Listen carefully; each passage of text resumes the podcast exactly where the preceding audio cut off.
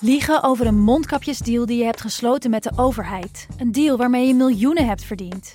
Dat doet toch alleen Siewert van Liende? Nou, nee. Ik ben Felicia Alberding en in de Mondkapjesmiljonairs duik ik met een team van correspondenten in andere schandalen. Want wist je dat Siewert helemaal niet uniek is? Luister de Mondkapjesmiljonairs in je Podimo-app. Of ga naar podimo.nl slash mondkapjes. En probeer Podimo 30 dagen. podimo.nl slash mondkapjes.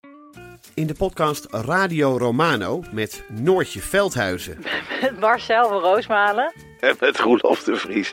brengen we alle drie elke week een zogenaamde signalering mee. Wat heb jij nou weer bij je? En aan het eind bepalen we wie de winnaar van de week is. Echt een angstcultuur Lege huls die je er bent? Ja, dat gaat eigenlijk altijd onvriendelijk.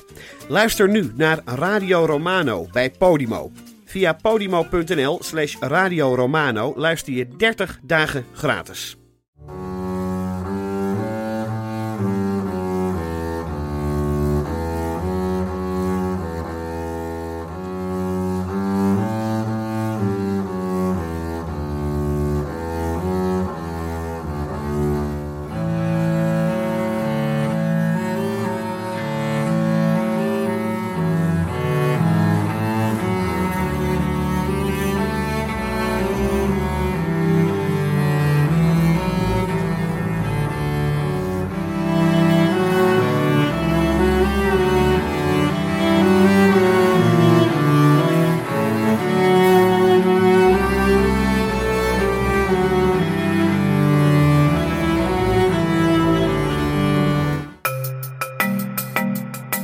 Dit is Betrouwbare Bronnen met Jaap Jansen.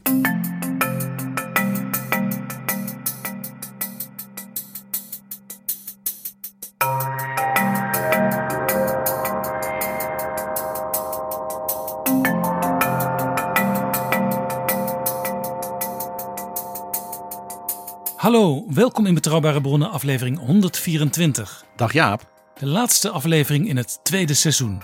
Aan het eind komen we daar nog even op terug.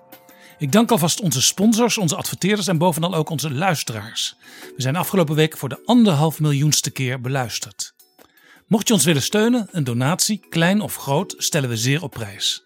Doneren kan via vriendvandeshow.nl slash bb. Deze laatste aflevering van Betrouwbare Bronnen in seizoen 2 gaat over een van de grootste Europeanen ooit, de Fransman Jacques Delors. Ik ga over hem praten met PG en halverwege de aflevering komt ook Luc van Middelaar erbij, hoogleraar Europese Unie aan de Universiteit Leiden. Jaap Jansen en Pieter Gerrit Kroeger duiken in de politieke geschiedenis. la communauté a été depuis des années une sorte de centre de gravité, une référence pour la liberté, pour la prospérité, et sans doute cette référence a joué son rôle dans les événements que les peuples ont déclenchés. Si nous ne réalisions pas ce que nous avons décidé, nous serions incapables de franchir des pas au-delà de 1992. On dit parfois, la chance aide parfois, le courage aide toujours. La chance, ce sont les peuples de l'Est et du centre de l'Europe qui nous l'ont offert. Le courage, c'est nous qui devons l'avoir. Je nous souhaite beaucoup de courage. We hoorden Jacques Delors in het Europees Parlement in 1989, meteen na de val van de muur. Prachtige, echt een klassieke retorische zin. Die, eh, hè, als je het over een eeuw kun je die nog gebruiken. La chance parfois, le courage toujours. In de politiek, in het leven van de, polit- van de politicus, helpt het geluk soms, moet altijd. Met andere woorden, als er gebeurtenissen zijn, dan moet je die aangrijpen om dingen te verbeteren. En daar moet je dus niet angstig zijn. En grote stappen te durven zetten. Durven, le courage, de moed. Hè, wat Bismarck ooit zei van als de geschiedenis voorbij loopt, dan grijp je desnoods de zoom van haar jurk. Dat is, dit is dus eh, dit is eh, eh, Delors op zijn Bismarckiaans, zou je bijna zeggen. Delors, Jacques Delors. Hij wordt deze week 95 jaar oud. En voor jou is hij een van de grootste Europeanen aller tijden. Hij is de enige nog levende ereburger van Europa. De eerste was Jean Monnet, uitgebreid behandeld in betrouwbare bronnen. De tweede was Helmoet Kool, die natuurlijk enkele jaren geleden overleed. Waar we het ook al eens over hebben gehad, hè, rond de val van de muur in betrouwbare bronnen. En de derde, Jacques Delors, en dus de enige die nog leeft. En Jacques Delors is mijn baas geweest. Laat ik dat gewoon even erbij vertellen. Dus als ik nu verhalen vertel, dan komt dat ook mede omdat ik voor hem heb gewerkt. En dat is een unieke ervaring uh, waar ik eh, ook heel dankbaar voor ben dat ik dat heb mogen doen. Jij werkte voor hem toen hij voorzitter was van de Europese Commissie. President, zeggen ze in Frankrijk. Je, je, je sprak hem ook altijd aan als le président. Hij was president van 1985 tot 1995. Twee perioden. En tijdens zijn presidentschap is er heel veel gebeurd. En ook heel veel door hem gedaan. Die tien jaar hebben het Europa van nu gemaakt. Hij trad aan in de zeg maar, nasleep van de grote economische crisis. Uh, met de oliecrisis en, en dergelijke. Uh, en uh, toen hij na tien jaar vertrok, waren alle Oost- en Midden-Europese landen bevrijd van het communisme. Was Duitsland herenigd. Was het verdrag van Maastricht gesloten, waarmee dus een politieke en een monetaire unie werd gebouwd. En was zijn grote project, de interne markt, gerealiseerd. Het is een, het is een, het is een politiek cv dat maar heel weinig mensen in de wereldgeschiedenis hebben. We gaan het daar zo dadelijk nader over hebben. Maar kun je eerst even de persoon Delors schetsen? Ja, het is een hele bijzondere man. Om te beginnen, hij uh, heeft heel lang gewerkt en mede helpen bouwen. Wij zouden in Nederland zeggen het CNV, het Christelijk Nationaal Vakverbond. Dat was in Frankrijk natuurlijk katholiek. Maar hij was dus van de Christelijke Vakbond. En werkte uh, bij de Banque de France, dus de Nationale Bank, en bij uh, grote ministeries als hoge ambtenaar. Delors was dus een overtuigd vakbondsman. Daarin was hij dus ook iemand echt uit de christelijk-sociale traditie. Uh, maar dan de katholieke kant daarvan. Dan moet je denken aan paus Leo XIII met zijn encyclieken over hoe de arbeidersklasse niet onderdrukt mocht worden in de 19e eeuw, maar moest worden opgeheven. Dat is dus de christelijk-sociale leer, zoals dat heet. En daarom dat Delors ook dus een aanhanger werd van François Mitterrand. Nou, François Mitterrand was natuurlijk de aanvoerder van de Franse Socialistische Partij. Die samen met de communisten en, uh, en nog andere kleinere extreem linkse partijen optrad hè, als oppositieleider tegen de Gaulle. En later tegen Pompidou ja. en, en uh, Giscard d'Estaing. Misschien een heel klein overeenkomstje met uh, Nederlandse gebeurtenissen. In Nederland had je het NKV, het Katholiek Vakverbond. En dat ging op een gegeven moment samen met de NVV, de Socialistische Vakbeweging. Die vormden samen de Federatie uh, Nederlandse Vakverenigingen, FNV. Dat is een beetje eenzelfde soort uh, ontwikkeling. Sterker nog, Delors is een van de mensen die dus die christelijk vakbond heeft laten fuseren. En dat heet het in Frankrijk dan natuurlijk een secularisation. Dus een ontzuiling, zouden wij zeggen, tot, zeg maar, tot een eenheidsvakbond. Dat nam dus niet weg dat Delors zijn hele leven dus een buitengewoon vroom katholiek is geweest. En in de tijd dus dat ik wel eens uh, nou ja, memoranda mocht geven en zo. Dan kwam mijn baas, Howell Jones in Brussel. Die moest dan om half acht op het kantoor van uh, Delors zijn in de ochtend. En dan kwam Delors van de, van de vroegmis. Dat was het eerste wat hij deed nadat hij de deur uitging, s morgens naar de vroegmis. Naar de vroegmis. En dan werd hij dus naar het, uh, uh, zijn kantoor gereden. En daar had hij dan ontbijt, want een goed katholiek is natuurlijk nuchter. Bij de, ah, ja. ja, zeker. Ja, nee, echt, dat moet je heel serieus nemen. Hè, dat is het lichaam van Christus. En dan de hostie is het eerste wat juist, binnenkomt. Juist. En dan, uh, dan nou, was een Howell, die was dan, en dan had hij een half uur. Dus van half acht tot acht, of tien over half acht tot tien over acht, dat varieerde een beetje. De, de, de, de files en zo.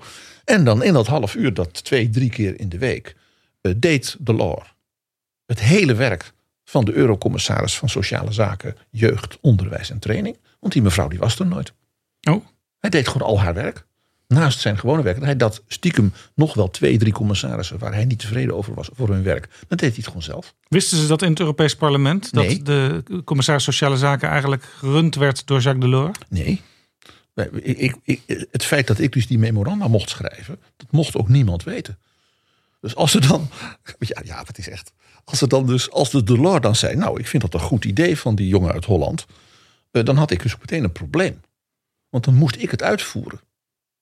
Want als ik als, als Howell, dus mijn baas, naar een andere ambtenaar ging, die zei, ja, maar hoezo? Daar hebben we het helemaal niet over gehad met mevrouw de commissaris.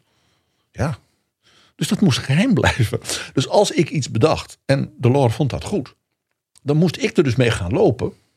En dan uiteindelijk zei Howell dan bijvoorbeeld na drie maanden... Uh, nou PG, je hebt wel erg veel te doen. Weet je wat, ik geef dat even aan die collega uit Denemarken. Die dus niet wist. Er was dus een aantal, een groepje ambtenaren bij Howell Jones. Dat, die dus als het ware nou ja, in vertrouwen waren genomen. Die op die manier dus Delors aan, aan, nou ja, aangaven. Maar dat lijkt me lastig als je iets wil... Als je een doel wil bereiken, als je beleid wil veranderen... dan moet je daar ook voor lobbyen op allerlei ambtelijke en politieke niveaus. En dan is het toch handig als de mensen met wie je spreekt weten dat jij eigenlijk een van de hoofdbreinen achter dat plan bent. Eh, ja, ja, het was, het was geen eenvoudig ambtelijk bestaan, maar wel ongelooflijk spannend. En natuurlijk, ja, mag ik ook nog zeggen, ik was nou ja, net 30. Uh, het was natuurlijk ook wel ja, het, het, was natuurlijk wel ja, een neusje van de zalm voor een jonge ambtenaar. Jij werkte voordat je naar Brussel ging voor het CDA en ook voor uh, Ruud Lubbers, die fractievoorzitter was. En natuurlijk tien jaar op het ministerie van Onderwijs. Ja, voor minister uh, Wim Deetman en daarna nog wat langer. Laten we nog even kijken naar Delors voordat hij in Brussel terecht kwam. Hij had dus contact met François Mitterrand. En François Mitterrand werd president. Die won de verkiezingen in 1981. En hij maakte Jacques Delors zeg maar, de centrale figuur van zijn regering. Delors werd minister van Economie, van Financiën en van het staatsbudget. Wij zouden zeggen drie ministersposten tegelijk. Superminister. Een, een, een superminister. En wat ook heel bijzonder was, Delors was natuurlijk bepaald geen communist. Het was een, uh, jij zou zeggen, een iemand op de linkervleugel van de KVP. Ja. Van het CDA. Het punt was toen wel dat. Dus, dus zijn, economisch beleid was alles, alles behalve, zeg maar, heel erg links. Het punt was wel dat de communisten die regering steunden. Sterker nog, er waren ook communistische ministers in, dat, in die eerste regering van Mitterrand. Mitterrand had de steun van de communisten nodig om zijn programma te kunnen voortzetten. Het programma Commun. En hij had dus een katholiek benoemd over de centjes van Frankrijk, om maar zo te zeggen, de economie. Die in feite dus gewoon zei: ja, die communistische uh, beleidsideeën, dat gaan, we, dat gaan we niet doen. Dus Mitterrand bouwde een, bewust natuurlijk, een strijd in zijn eigen regering in. En toen het puntje bij paaltje kwam in 1983, na twee jaar, en de Franse economie ja, een kopje onder dreigde te gaan door allerlei onbetaalbare sociale gunsten. Toen koos hij voor de lijn van Delors. Was dit een Machiavellistische truc van François Mitterrand? De bijnaam van François Mitterrand was Le Florentin, de man uit Florence. Dus dit was Machiavelli ten voeten uit. Het moest eerst aangetoond worden dat het oude socialistische slash communistische idee van nationalisatie van de basisindustrieën en allerlei andere dingen die eraan vaststaan. En allerlei sociale geneugten van de ambtenaren mochten met 55 met pensioen. We hebben ze ook een beetje besproken met uh, de twee schrijvers van het boek over de Partij van de Arbeid in de vorige aflevering van Betrouwbare Bronnen. In Nederland nam de Partij van de Arbeid daar op een gegeven moment afscheid van. En in Frankrijk gebeurde dat dus in de eerste regering van François Mitterrand. Helemaal Mitterrand, die laat zich dus kiezen als de heiland van links. En zodra die dus in het Elysée zit, gooit hij dus alles wat hij had beloofd in de prullenbak. En laat dat Jacques Delors doen, die dus een man van het klassieke midden was. En de bijnaam van François Mitterrand, eigenlijk wel een soort geuzennaam, was uh, La Force Tranquille. En hij liet dus eigenlijk mensen als Delors het uitleggen waarom het moest. En dat leidde dus tot uh, de interessante situatie dat uh, Helmoet Kool, die natuurlijk ook zo'n katholiek was uit die sociale vleugel, maar dan van de CDU. Want dat, de, de Duitse politiek heeft natuurlijk een andere geschiedenis dan de Franse. Dat Helmut Kool Jacques Delors heel graag wilde als de nieuwe president van de Europese Commissie. En het is dus Kool geweest die mevrouw Thatcher heeft uitgelegd dat ze deze French socialist, ja, dat ze die moest steunen. Hoewel hij dus in een regering zat met communisten, moet je voor mevrouw Thatcher even indenken, ja. Want hij heeft haar uitgelegd, he is sound. En Thatcher ontdekte dat zelf ook toen ze meer over Jacques Delors te weten kwam. Toen ze ook met hem sprak. Dat is een van de meest bijzondere dingen. Wij hebben daar in Betrouwbare Bronnen een keer aandacht aan besteed. Dat mevrouw Thatcher in de eerste jaren dat Delors de president was van de Europese Commissie. een grote fan van hem was. Dat is pas eigenlijk in halverwege 1988. Dus dat was, toen was hij, zat hij er al drie jaar. Is dat gaan kantelen. En dat is helemaal misgegaan aan van de kant van mevrouw Thatcher. Natuurlijk met de val van de muur. Eh, en toen hebben we haar eigen ministers, mevrouw Thatcher, in datzelfde jaar, 1990, ten val gebracht. Dit najaar is het 30 jaar geleden dat de Tories mevrouw Thatcher hebben onthoofd. Dat vergeet me nog wel eens. Dat is een verhaal op zichzelf. Daar gaan we in het najaar vast een herdenkingsbijeenkomst aan, aan, aan, aan wijden, Jaap. Hij was dus minister en op een bepaald moment ging hij naar Brussel, Jacques Delors. Ja, en hij heeft toen meteen uh, een memorandum van mevrouw Thatcher, dat ze had overhandigd aan Kool en Mitterrand, meegenomen en heeft gezegd: daar kan ik wat mee. En dat is wat wij nu noemen de interne markt. Dus Delors heeft toen gezegd: als we nou in Europa de grenzen opheffen voor het vrije verkeer van personen, goederen, kapitaal uh, en productiviteit. En diensten uiteindelijk. Diensten en dus de hele productiviteit. Dan, kan je dus, dan krijg je een enorme ontbureaucratisering, om te beginnen. En dat mondt natuurlijk uit dan op termijn in een economische, politieke en financiële unie. En het leidt ook vrij snel tot extra economische groei. Dat was natuurlijk het idee. Nou, mevrouw Thatcher vond dat, had, had daar dus wel oren naar, om maar zo te zeggen. Ze had een soort memorandum met een aantal van dat soort gedachten. Ja, Thatcher was natuurlijk ook iemand die wel voor internationale handel zonder al te veel belemmeringen was. Natuurlijk, natuurlijk. Ze zaten in de EU vanwege uh, de economie, de Britten. Ze zaten in het Commonwealth vanwege de historie en hun hart. Ja, dus de vervolmaking van de interne markt, waar de Loor mee bezig was, dat had haar hart. Sterker nog, mevrouw Thatcher heeft het beleidspakket wat Delors toen heeft gemaakt. Dat was de dingen, nou ja, dat hoorde je uit mijn verhaal hiervoor al. Daar was hij verschrikkelijk goed in. Hoe maak je nou zo'n beleid? Dat heette de Act Uniek. Dus dat de, de, een, zeg maar de, de eenheidswet. In het Engels de Single European Act. De Single European Act. En mevrouw Thatcher heeft die dus verdedigd in het lagerhuis. Nou, dat is een speech, je weet niet wat je hoort. Alsof daar de grootste eurofiel der eurofielen uh, uh, ja, de toekomst van Engeland en Europa schetst. En ze heeft toen de onsterfelijke woorden gebruikt. Monsieur Delors is one of the cleverest people in Europe. En iedereen in Engeland wist dat als mevrouw Thatcher je clever noemde, dat was het allerhoogste lof die je van haar kon krijgen. Dat zei ze niet snel. Nee, al laat staan over een Fransman. Delors heeft dus in zijn eerste termijn van vijf jaar de functie van president van de Europese Commissie gemaakt. De allereerste die dat deed was, uh, was, was Hallstein, de Duitser in 1957. Dus die ja, was de oprichter van die Europese Commissie de inrichter ervan. Al zijn opvolgers, dat waren allemaal prima mensen, uh, maar die waren kleurloos, om maar even onaardig te zeggen. En Delors maakte ineens die functie doordat hij ook met die act uniek, ja, als het één samenhangend, ja, soort lange termijn strategie voor Europa maakte. Waarbij hij dus ongelooflijk belangrijk werd geholpen door zijn vicepresident. En dat was Frans Andriessen, de oud-minister van Financiën van Nederland. Je zei, veel van zijn voorgangers waren kleurloos. Gaston Thorn was zijn directe voorganger, een Luxemburger. We kunnen ons bijna niks meer van hem herinneren. En zijn opvolger was Jacques Santer. Santerre, Santerre was ook de premier van Luxemburg. Ja, ik, zeg, ik zei Santer omdat eh, de Duitsers zeiden dan weer Santer. Maar allebei tamelijk kleurloze mensen, zeker vergeleken met uh, hoe wij onze Jacques Delors herinneren. Nou ja, over de ondergang van Santerre moeten we het maar niet hebben. Die is echt, echt helemaal al in zijn eerste termijn volledig ingestort, politiek. Ik zet hem apart, misschien om nog eens wat uitgebreider over te praten. Ja. Nou, Delors was dus een enorme doener. Twee keer, drie keer in de week in een half uur doe je een complete uh, portefeuille van een collega. Dan kun je wat. En was nog iets. Delors heeft zijn hele leven uh, uh, een onderwerp gehad, een beleidsterrein gehad, wat zijn hart had. En dat was het onderwijs.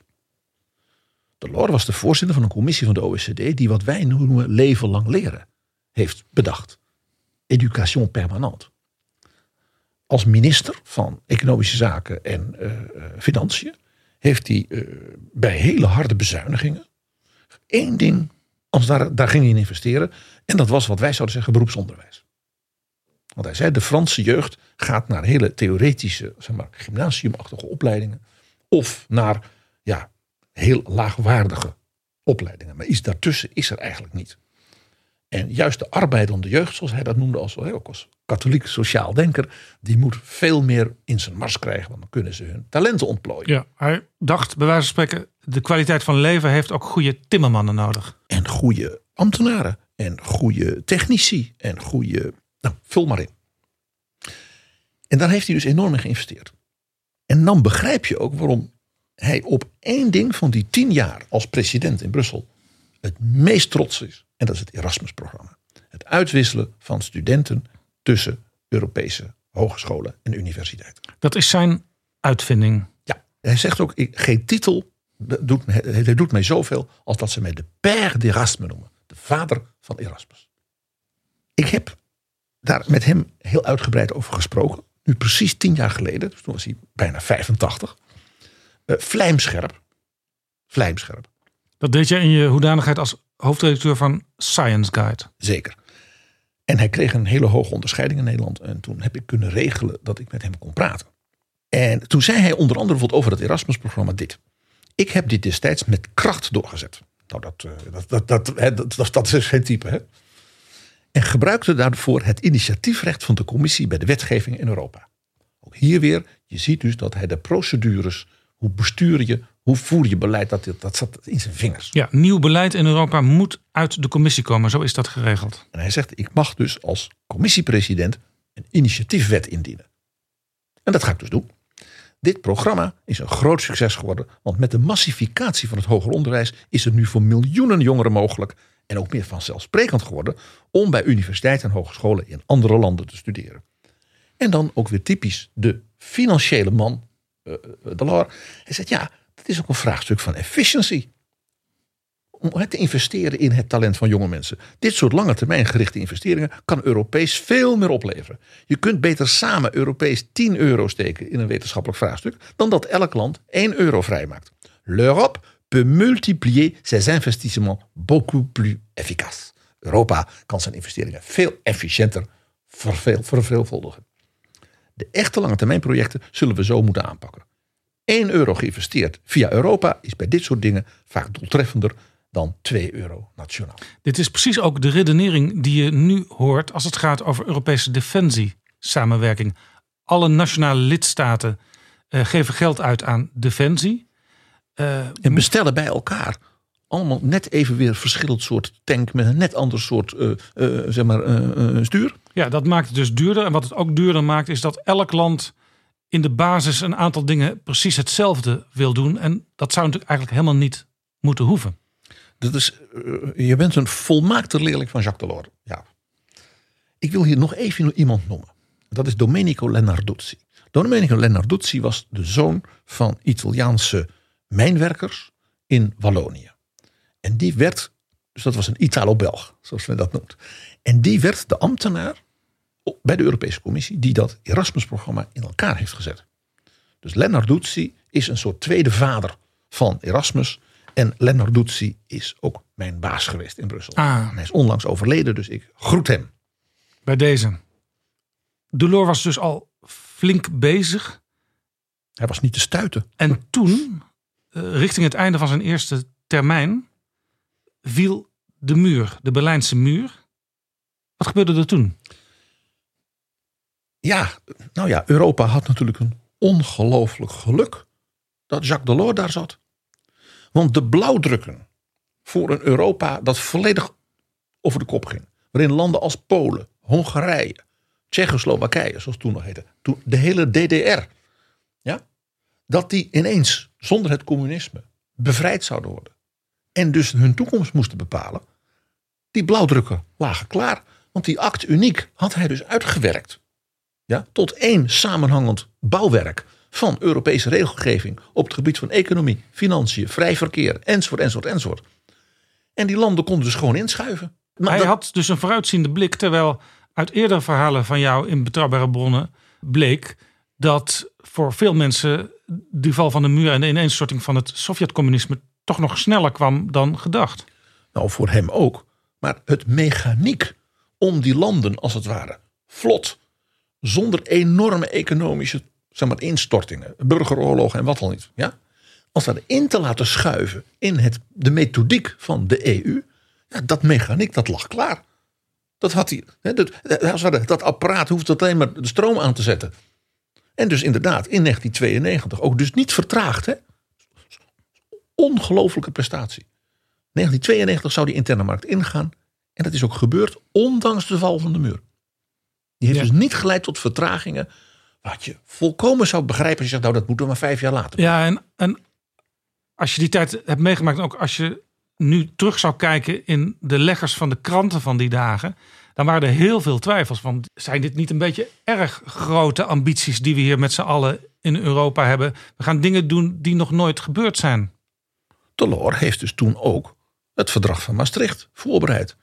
Met dus de grondslagen voor de politieke, economische en monetaire unie. Dat was als het ware al een, bijna een sprong voorbij die interne markt. De interne markt was dus op dat moment ineens een gelukkig klaarstaand tussenstation, maar zo te zeggen, waar we dus die andere landen mee konden doen, zodat ze dan op termijn ook in de politieke en economische en monetaire unie konden. En vandaar dus dat de eurozone ja, dus ook niet bedoeld is geweest. En dus tot, tot de dag vandaag ook niet is als iets dwingends van bovenaf. Maar dat landen daaraan mee kunnen doen als ze dat willen. En als ze er economisch en financieel rijp voor zijn. En vandaar dat bepaalde Scandinavische landen die perfect mede zouden kunnen doen. Zeggen ja, maar wij willen onze eigen munt houden. Nou, dat mag.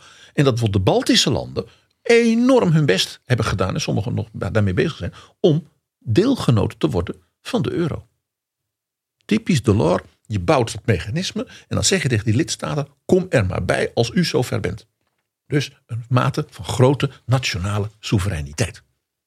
Nou, uh, Jaap, herinner je je nog ons gesprek met das Urgestein van Europa, van de CDU, Elmar Brok, de, ja, de adviseur van Kool en Merkel als het gaat om Europa. Ja, dat herinner ik me zeker. Dat was een mooi gesprek, PG. Prachtige vent, met die walrussnor. Nou, je weet nog wat hij zei hè, over deze periode. Zullen we even luisteren? Mitterrand, Delors, Kohl.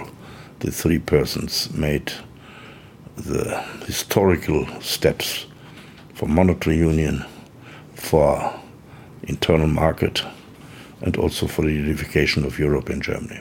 So those three men are the most important European persons of the last 40 years. I think this group of the three was a decisive point. It was the power center which came up with the proposals. Yes. Came up with the proposals. Dat was Elmar Brok. Wij waren met hem in gesprek in het Europees Parlement in Brussel. De val van de muur, PG, daar was Europa natuurlijk bij betrokken. Maar bovenal natuurlijk ook uh, de Sovjet-Unie, Gorbachev in die tijd. En omdat het een wereldschokkende gebeurtenis was, ook de Amerikaanse president Bush. Ja, want dit raakte natuurlijk de geallieerden van de Tweede Wereldoorlog. De Duitse hereniging. En het zeg maar, de, de, de deling van Europa tussen Oost en West, dat die ging verdwijnen. Dat raakte natuurlijk ook. De, dat was natuurlijk het weghalen van de consequenties van de Tweede Wereldoorlog. Dus zowel Amerika als de Sovjet-Unie was dus voluit partij daarbij. Nou, Delors was zo ja, hoog geacht, dus vier jaar na zijn aantreden in zijn eerste termijn, dat de Amerikaanse president zei: Ik wil gewoon twee keer per jaar een eigen overleg met Jacques Delors. Hij had misschien van Maggie Thatcher gehoord hoe interessant die Delors was. How clever.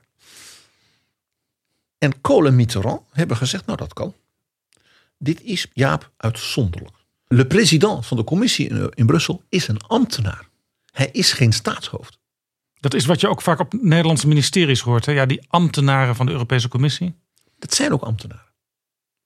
En dat dus de president van Amerika zegt: ik wil een eigen overleg met deze hoge ambtenaar, zonder zijn politieke baas erbij. En dat die politieke bazen, dus Kohl en Mitterrand, dat die zeggen: dat is goed. En dat ging als volgt. Eh, Bush kwam natuurlijk elk, half, elk jaar één keer naar Brussel voor de NATO-top. En dan ging hij als het ware op, bij de, op de tweede dag van de NATO-top, smiddags om drie uur, even thee drinken bij Jacques Delors. Delors kwam natuurlijk netjes naar de Amerikaanse ambassade. Dat begrijp je. De, eh, Bush kwam natuurlijk niet naar het kantoor van Delors. Maar er werd dus standaard een moment ingebouwd. Ja. En als dus de jaarvergadering van de IMF, van de Wereldbank, er was. en Delors ging daarheen namens de Europese Commissie. dan werd hij dus ontvangen op het Witte Huis.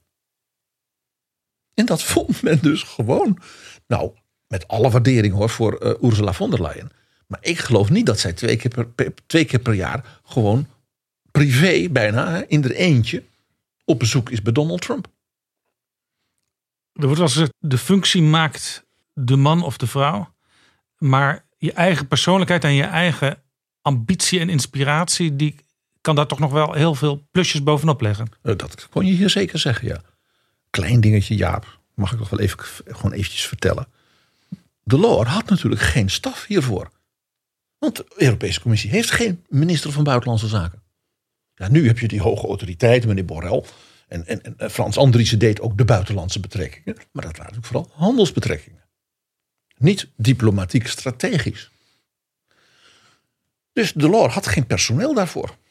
Dus toen heeft hij een oude vriend van hem uit Parijs, van de OECD, naar Brussel gehaald. En die heeft gezegd: maak jij maar een klein team van slimme jonge mensen die Amerika snappen en die Brussel snappen. En die gaan dat voor mij voorbereiden, die gesprekken. Dus toen werd mij ineens door de Howell Jones, ik noemde zijn naam al, gezegd: Ja, ik heb een lunchafspraak voor jou geregeld met Ron Gass van de OECD. Ik zeg: Oh, wat leuk. Ik kende de man toevallig door mijn werk op het ministerie van Onderwijs. En die zei: Ja, hij zegt, die- gaat jou een eh, voorstel doen. Ik zeg: Oh, van de president. En ik had dus de volgende dag lunch. En die zei: Nou ja, zou jij in dat teampje willen zitten? Nou ja, daar zeg je geen nee tegen. En toen ik tien jaar geleden Jacques Delors ontmoette in Nijmegen, hij was 85. Toen eh, merkte hij aan hoe ik hem aansprak dat ik een Brusselse ambtenaar was geweest. Want het was Monsieur le Président. En dat zegt hè, als Mr. Delors. Hè, Monsieur le Président. Dan keek hij meteen. Dat vogelkoppie. En ik zei, ik zal het u maar gewoon eerlijk zeggen. Ik heb voor u gewerkt. En dat was een enorme ervaring. Ik was een hele jonge jongen. En eh, dus dat wil ik gewoon gezegd hebben. Ik ben u dus heel dankbaar daarvoor. Ach, wat leuk. Wat heeft u gedaan? Die man had ook tienduizenden mensen die voor hem gewerkt hadden. Ja, uiteraard. Ik zei, nou, u heeft mij onder andere in een clubje gezet. En toen zei hij, hij was dus 85 bijna. Ah, la petite troupe de Ron-Gas de l'OCDE. Ah, dat kleine clubje des jeunes jonge jongens van Ron Gas van de OECD. Die meute. Het is toch on... Die man wist dus nog uit zijn hoofd dat hij dat zelf had gedaan. Vlijm scherp. Prachtig. Kun je ook iets zeggen over hoe hij als president opereerde?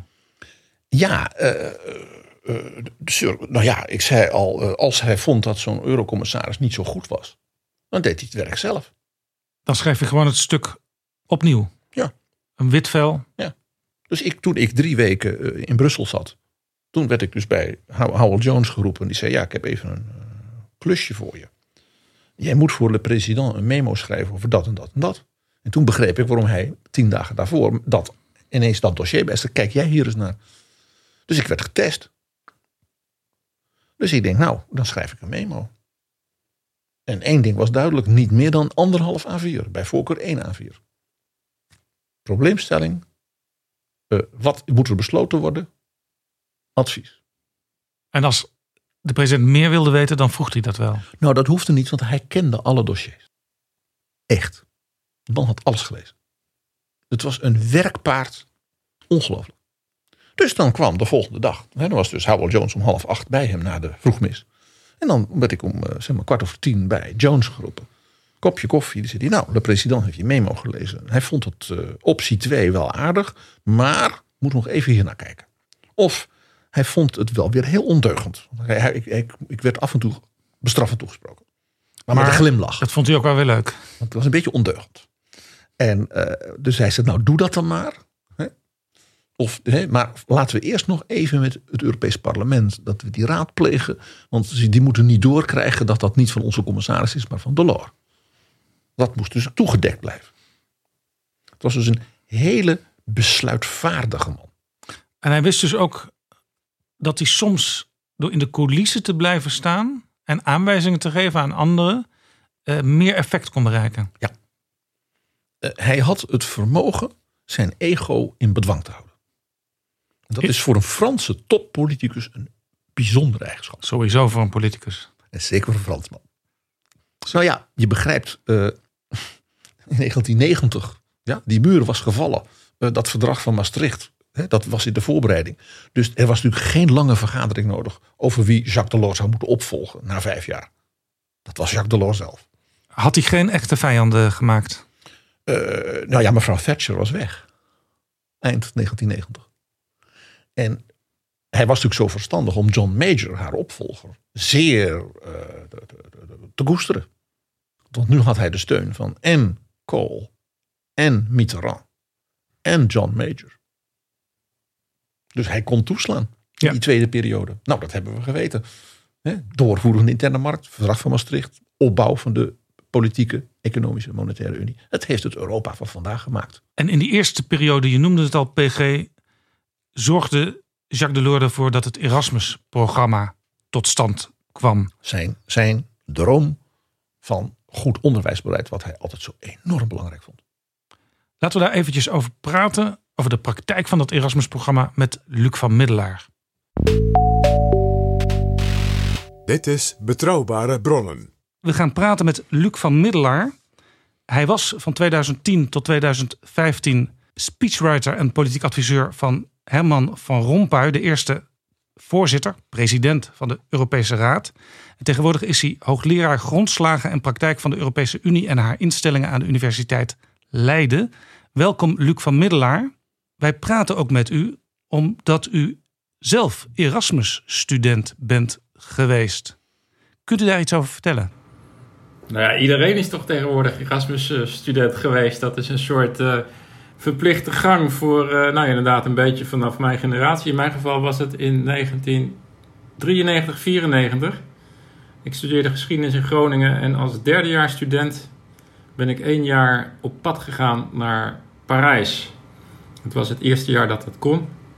Naar de Sorbonne, Paris 4. Nou, dat vond ik natuurlijk geweldig chic. Uh, met een vriendje uit die tijd, die ging naar Grenoble.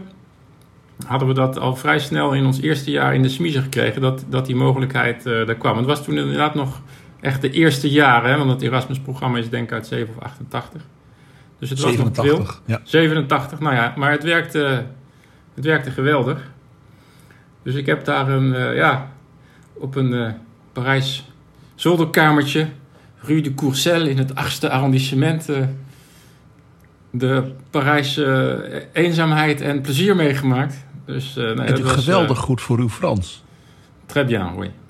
Ja. Nee, dat, ja, dat is wel een, een duik in het bad wat dat betreft. Zowel van ja, de, de, de, de, geschiedenis van, van zo'n universiteit en van die stad. Ja, ook voor uh, iemand die uh, dus toen in Groningen studeerde, ook uh, in de provincie is opgegroeid. In een klein stadje in het oosten van het land.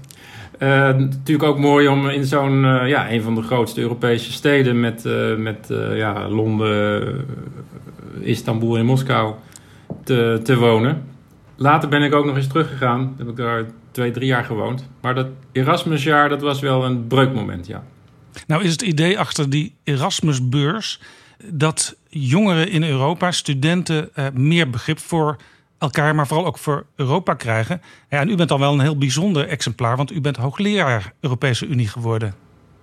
Ja, maar dat is eigenlijk pas veel, uh, veel later gekomen. Nou, in die zin, ik heb dus wel altijd al de liefde voor het Frans gehad en voor de Franse taal en geschiedenis uh, vanaf de middelbare school eigenlijk al.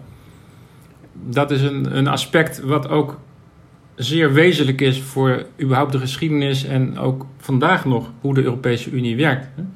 En het Hof in eh, Luxemburg, die rechters daar, die vergaderen nog steeds in het Frans. En dus uh, voor het begrip van hoe uh, de EU werkt en gewerkt heeft, is dat wel een, grote plus inderdaad. En het is jammer dat, dat nou, in Nederland te weinig mensen en jongeren nog Frans of zelfs Duits wat dat betreft spreken. Omdat natuurlijk ja, die landen die dat blijven onze buurlanden en dat blijven ook de dragers en aanjagers van nieuwe initiatieven. Zeker nu de Britten zijn vertrokken met het Engels. Hè. En wat dat betreft uh, zou ik uh, ja, wensen dat, dat mensen dat blijven doen. En ook naar de minder spannende, niet alleen maar naar Barcelona en Sevilla, waar het zo leuk is aan het strand, maar ook ja, naar Parijs. Liever naar Parijs of naar Berlijn. Frankrijk en Duitsland ook niet vergeten. München.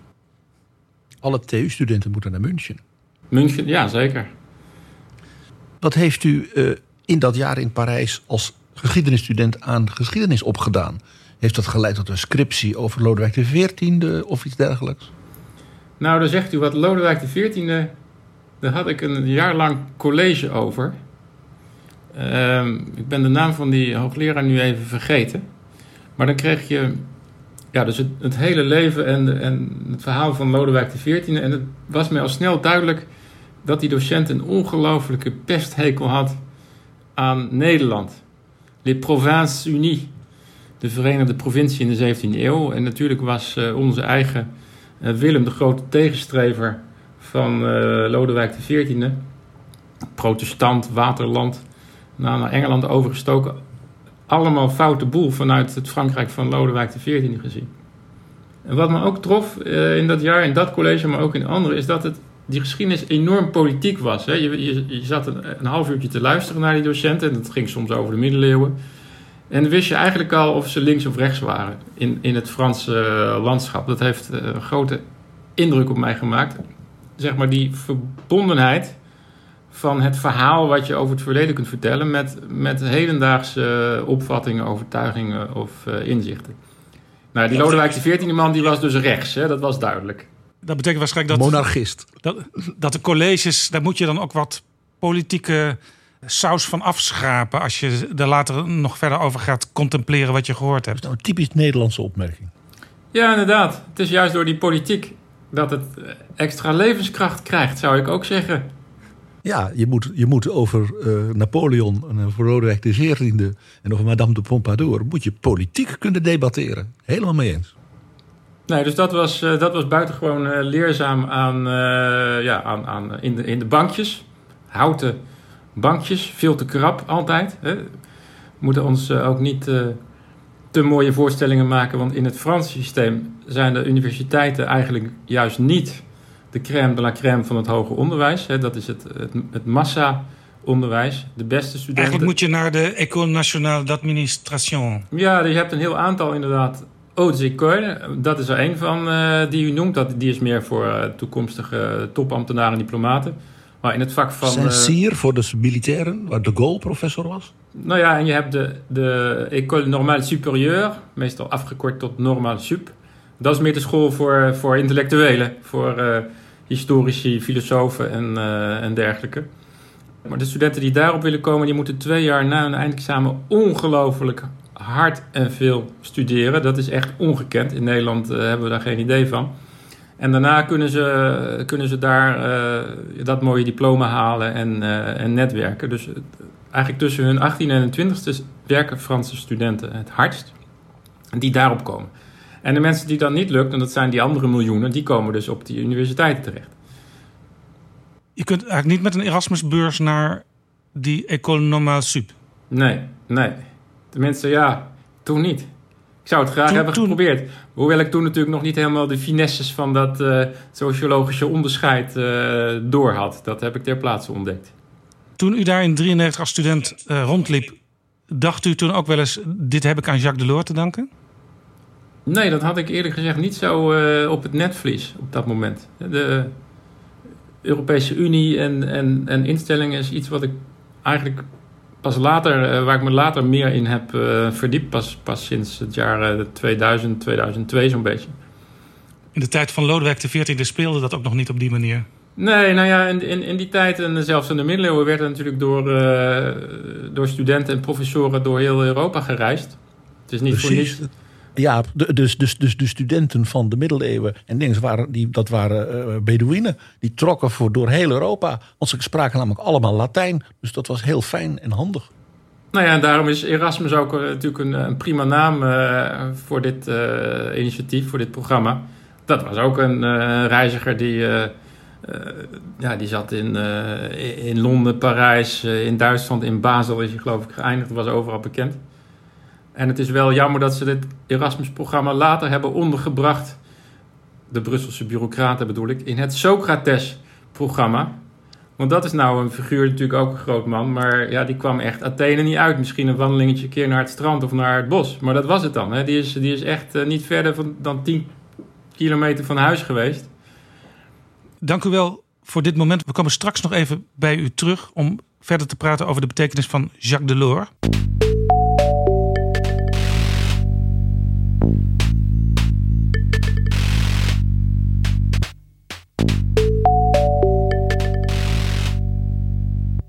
PG, jij vertelde eerder in deze aflevering dat Jacques Delors met gemak voor een tweede termijn werd benoemd.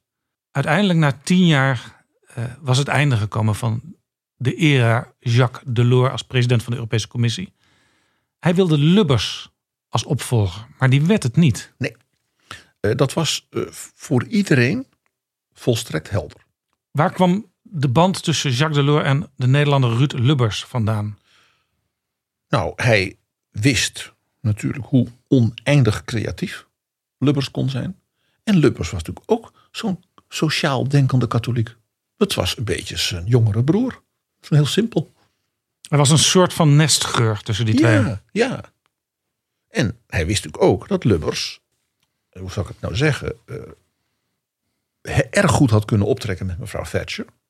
En dat was dus van belang, vond hij, om die Britten erbij te houden. Want John Major was van goede wil, maar had wel toen al natuurlijk in zijn partij die Thatcher aanhang en de anti-Europeanen.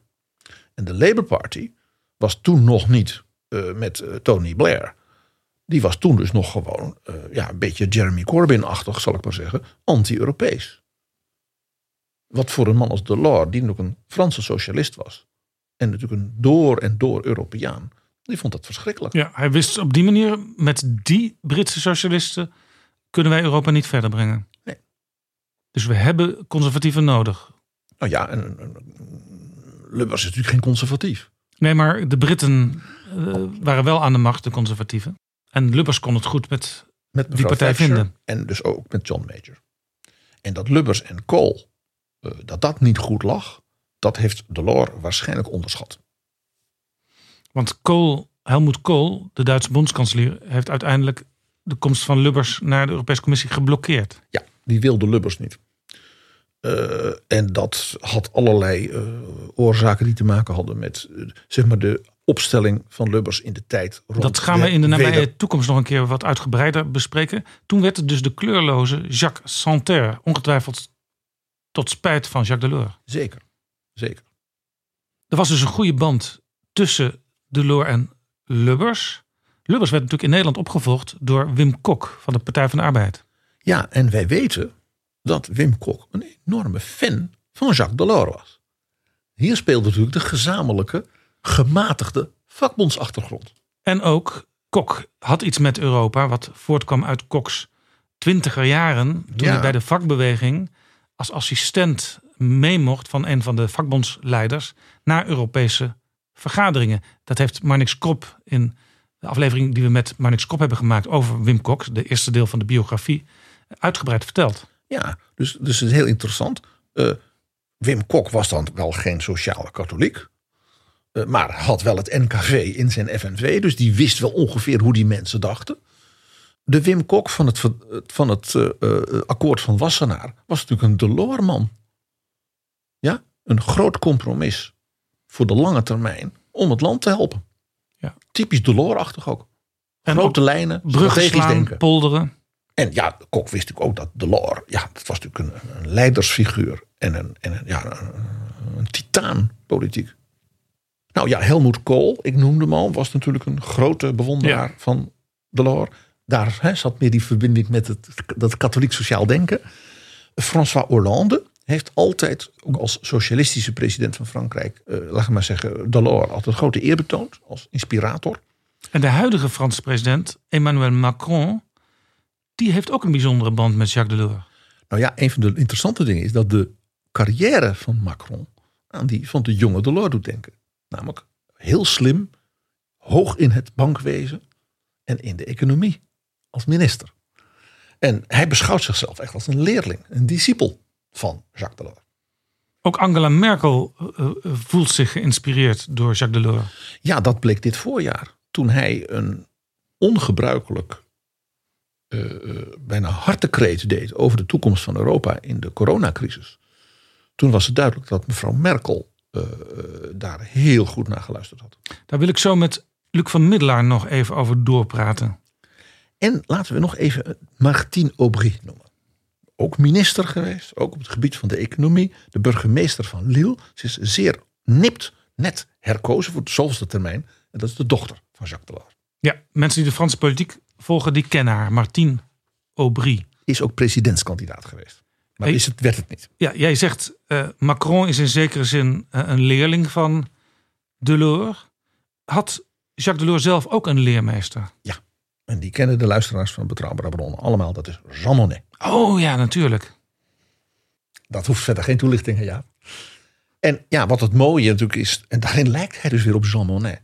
Dat hij tot, tot op zeer hoge leeftijd dus blijft denken, adviseren, opporren, nieuwe ideeën. Hij heeft een heel instituut, Jacques Delors, waar allemaal studies verschijnen. In dat bestuur zitten allemaal oud-premiers, oud-ministers van Ook uit verschillende landen van Europa? Ja, Italianen, wat, je kunt het zo gek niet bedenken. Uh, en hij is en blijft dus tot de dag van vandaag een visionair. Dus niet alleen maar een bureaucraat. Uh, hij was buitengewoon goed in het sturen van zo'n groot apparaat. Hè? Dat heb ik wel iets over verteld. Maar hij was dus inhoudelijk een visionair. Zag ik je één voorbeeld geven?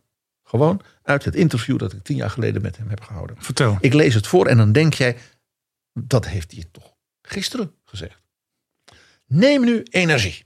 Je ziet dat ieder land op zich gesprekken wil voeren met Poetin. Wat ontbreekt is een energiegemeenschap in Europa. Je moet zien te komen tot een samenhangend beleid, want nous sommes les demandeurs. Wij staan met de pet in de hand, wij vragen. Om dat gas en zo. Tegelijkertijd we als Europa veel kunnen inbrengen in het wereldwijde energiebeleid. Vanwege de kennis die bij ons in Europa aanwezig is op het gebied van CO2-reductie en opslag, klimaatvraagstukken en efficiënt energieverbruik.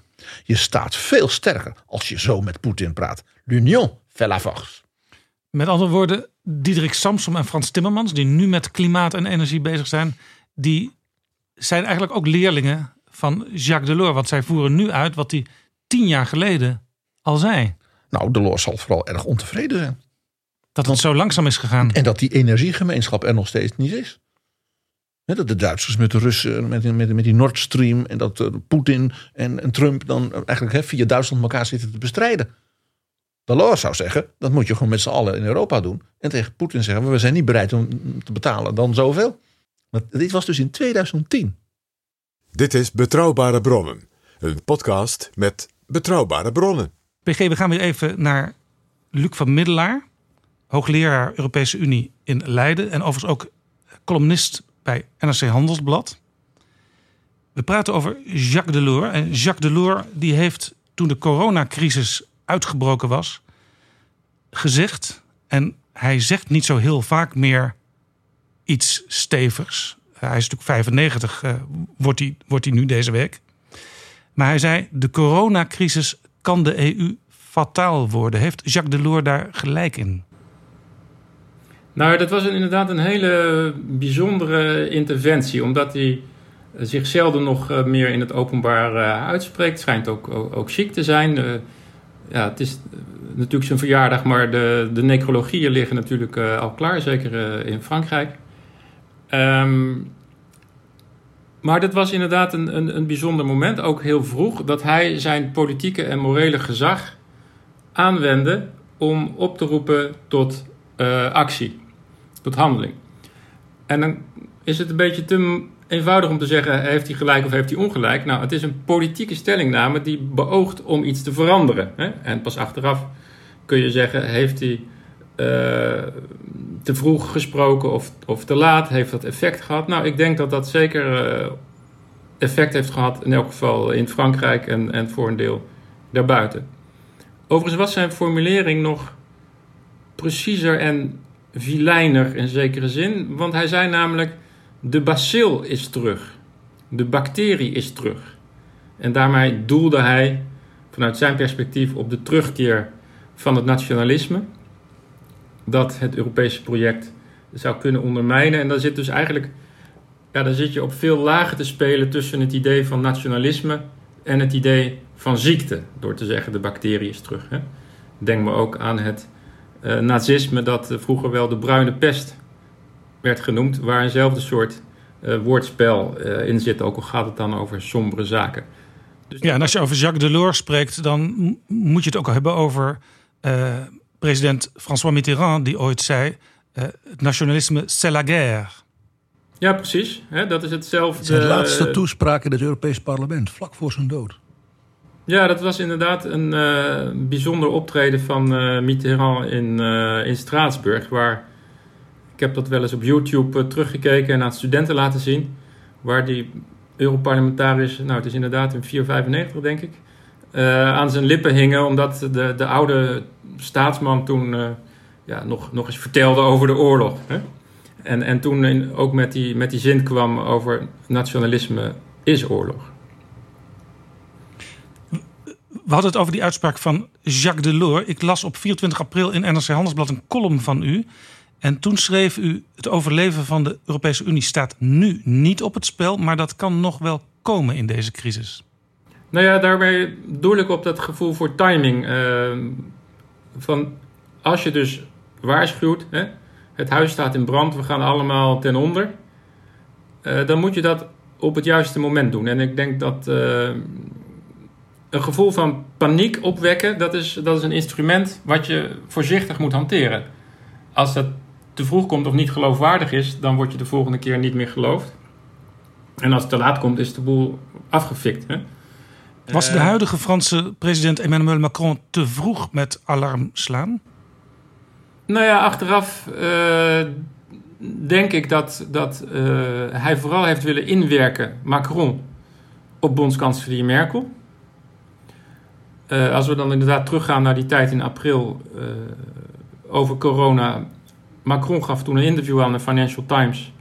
Waarin hij de Duitse oorlogsschulden en de kwijtschelding van Duitse oorlogsschuld erbij haalde. Dat viel in eerste instantie heel slecht bij de Duitsers, vinden ze verdomd pijnlijk.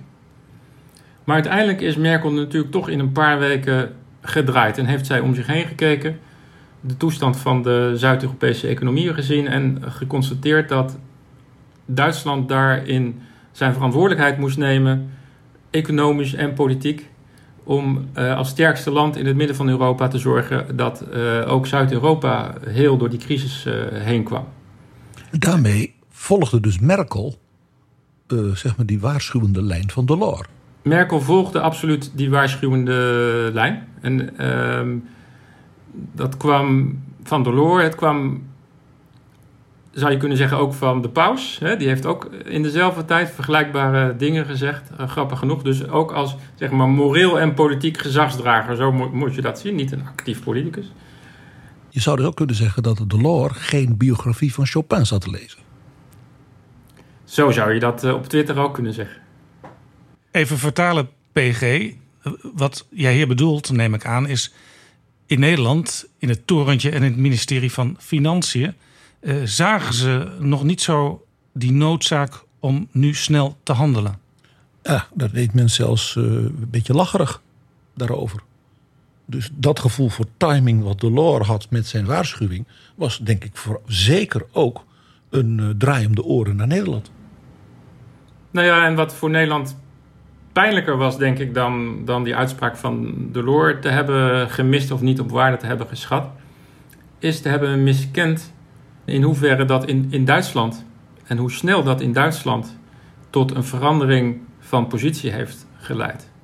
En dat is dan toch ook een uh, onderschatting en een miskenning van de Europese dynamiek in alle crises. En in de tijden van Jacques Delors was dat tussen François Mitterrand en Helmoet Kool. Die hebben ook een van de ja, zwaarste, gebeurtenisrijkste periodes uit de naoorlogse Europese geschiedenis meegemaakt met de val van de Berlijnse muur.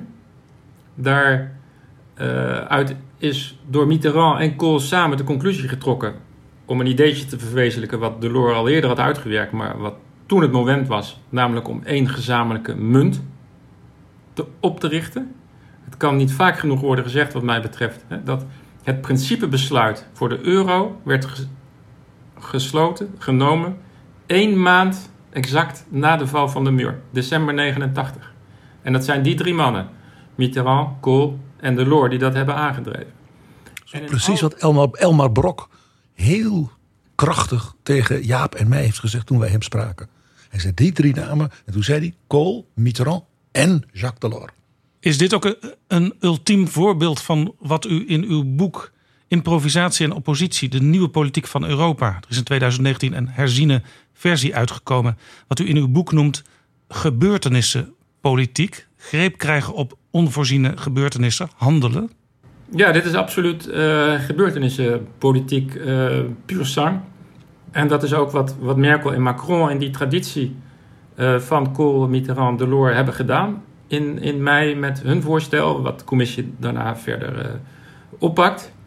Dat is toch ja, grote ontwrichtende gebeurtenissen. De val van de muur, een migrantencrisis, een coronacrisis. Bedwingen en als het ware toch een, een pad naar een gezamenlijke toekomst weer vinden. En zowel in Duitsland als in Frankrijk, sterker dan in ons land, hè, is het heel natuurlijk en vanzelfsprekend om Europa in dat toekomstbeeld in te bouwen. Dat hoort bij de identiteit van de Duitse Bondsrepubliek, van de Franse Republiek. En um, dat is iets wat in Den Haag, op het ministerie van Financiën en soms zelfs in het, in het torentje wel eens wordt vergeten. wij kijken toch vanuit de Nederlandse traditie veel meer naar, naar Europa als een markt, economie, eh, pragmatisch, de dertiende maand van je salaris. En niet naar die historische, ook geografische krachten die, die daaronder liggen. Is het niet opvallend dat toen Delors dus met Kohl en Mitterrand zo krachtdadig optrad, dat ook toen de Nederlandse regering uh, misgreep? Lubbers heeft toen gezegd: Nou ja, wacht even, die Duitse hereniging. Ja, die zat op de lijn een beetje van mevrouw Thatcher. En moest tot zijn schrik merken dat president Bush helemaal niet op de lijn van mevrouw Thatcher zat. President Bush ging vol Helmut Kohl steunen. En toen switchte de Nederlandse regering in nou ja, februari, maart van 1990 even heel snel. Dus opmerkelijk, ik, ik, zie daar dus een opmerkelijk patroon in. Ja, dat, dat lijkt me geen toeval. op zo'n moment het niet aanvoelt. Dat lijkt me geen toeval. Ruud Lubbers is uh, econoom, hè, Rotterdammer. Uh, en ook niet eigenlijk doordrenkt van het voortdurend besef van en blik op die historische krachten die uh, Europa naast de economie natuurlijk, dat wil ik verder helemaal niet onderschatten. En dat is ook voor Duitsland en Frankrijk van belang. Maar naast die historische krachten dat Europa vormgeeft. En Jacques Delors, die was zo effectief als commissievoorzitter omdat hij de brug wist te slaan tussen enorme eh, kennis van het ambtelijk technocratisch apparaat en ook die leiders, met name Mitterrand en Kohl, in de Europese Raad. Dus hij had bepaalde ideeën, het Erasmus-programma, de interne markt, later de euro, maar het lukte hem om voor die ideeën ook het gezag te vinden bij de regeringsleiders om ze te verwezenlijken. En hij, hij begreep dus heel goed welke rol hij daarin uh, kon vervullen. En ik denk dat hij ook als. Ja, het was een man met, uh, en is nog steeds, maar nu spreekt hij wat minder, met op zich grote overtuigingskracht. Dat is een van zijn grote kwaliteiten. Ook hè, Fransen die, die verder helemaal niet op zijn lijn zitten, die ik uh, wel heb gesproken, die, ja, dat is iets wat hen van Delors is, is bijgebleven. Een, een, uh, een absolute wil om te overtuigen. Dat had hij al als jonge vakbondsman. U was van 2010 tot 2015 politiek adviseur van Herman van Rompuy. Heeft u in die tijd Delors ook ontmoet? Nou, ik heb Delors niet uh, één op één of, of in, in gezelschap ontmoet. Kijk, bij alle kwaliteiten die ik ook uh, Delors graag uh, toedicht, had hij soms ook een wat eenzijdige kijk op de Europese samenwerking, waarin die eigenlijk het belang van het betrekken van de lidstaten bij dat project onderschatte. En, en, en daar soms misprijzend over was. Dus in het begin van die eurocrisis, toen namen Sarkozy en Merkel het voortouw. Eigenlijk zoals, zoals Kool Mitterrand vroeger. Maar dat, dat zat Delors helemaal niet lekker. Want hij vindt en vond altijd dat de commissie de centrale rol moet hebben in het aandrijven van Europese ideeën. Dat dat niet de Europese Raad van Regeringsleiders mag zijn. En uh, nou ja, omdat ik in, in eigen publicaties en ook mijn eerste grote boek over Europa, de passage naar Europa, eigenlijk juist dat uh, die instelling van de Europese Raad van Regeringsleiders, waar Mark Rutte uh, nu zit, hè, Merkel en, en, Macron, heel erg heb belicht en, en in het zonnetje heb gezet, heb ik gehoord, en daar heeft hij zich ook publiek over uitgelaten, dat, dat Jacques Delors dat helemaal geen, geen mooi boek vond. Hij heeft dat zelfs een keer, een, heeft dat een, keer een gevaarlijk boek genoemd. Een livre dangereux. Hij is geen fan.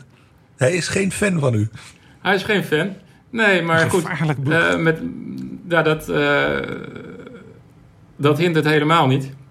Want ik denk uh, dat voor zover hij mij leest, of ik hem goed begrijpen waar we dat moeten plaatsen.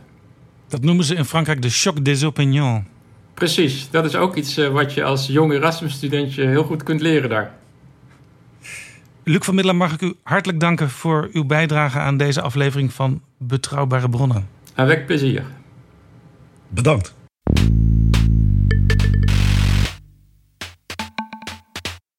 Wij danken Jacques Delors. Merci Jacques Delors. Gefeliciteerd met uw verjaardag. Merci mon chef. Bon anniversaire. Bravo.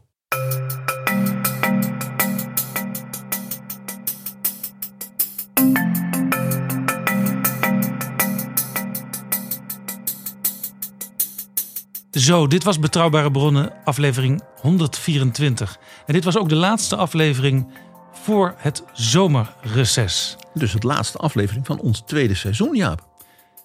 Het tweede seizoen waarin wij ruim anderhalf miljoen keer beluisterd zijn. Ik, ik kan er nog steeds niet bij. Je weet, dat, ik, dat is geen... Uh, dat is echt zo. Ik kan er gewoon nog steeds niet bij hoe ontzettend leuk dat ook is. De champagnefles gaat open. Mede om nog even te klinken op Jacques Delors en hem in zijn gezondheid alle goeds te wensen. En wij danken al onze luisteraars. We komen terug met betrouwbare bronnen in de laatste week van augustus. En we hebben alweer een aantal interessante thema's en afleveringen in de planning. Ja, we gaan door met onze serie over de val van de muur en de Wiedervereinigung van Duitsland. Dat is natuurlijk op 3 oktober aanstaande, 30 jaar geleden. En dan gaan we daarna die serie voortzetten. Want dan gaat het over hoe na de Wiedervereinigung natuurlijk de Sovjet-Unie implodeerde. En in feite dus de ondergang van het communisme eh, als ideologie in Europa. En in dat enorme Rusland. En het nieuwe seizoen wordt natuurlijk ook het seizoen op weg naar de Tweede Kamerverkiezingen 2021. Daar gaan we ook op een typische betrouwbare bronnen manier aandacht aan besteden. En natuurlijk Amerika. Amerika, verkiezingen. En als historicus PG heb jij ook hele mooie verhalen nu al in je hoofd. Dat weet ik, want we zitten daar al over te praten. Ik heb al vorige week eh, geluncht met Pirmin Oldweghuis, onze Amerika-kenner. Om eh, met hem samen ook rondom die verkiezingen ook nog een serie te doen over het verleden van die verkiezingen. De naam Lubbers viel al in deze aflevering. Daar gaan we ook vrij snel aandacht aan besteden. En we krijgen ook vrij snel in het nieuwe seizoen een vooraanstaande minister op bezoek. PG, mag ik jou hartelijk danken voor de vriendschap en de samenwerking. Eens gelijks. En we nemen er een slokje op. Absoluut. Tot in augustus. Dag allemaal. Deze aflevering is mede mogelijk gemaakt door de Europese Commissie en door We Nederland. Betrouwbare bronnen wordt gemaakt door Jaap Jansen in samenwerking met dag en nacht.nl.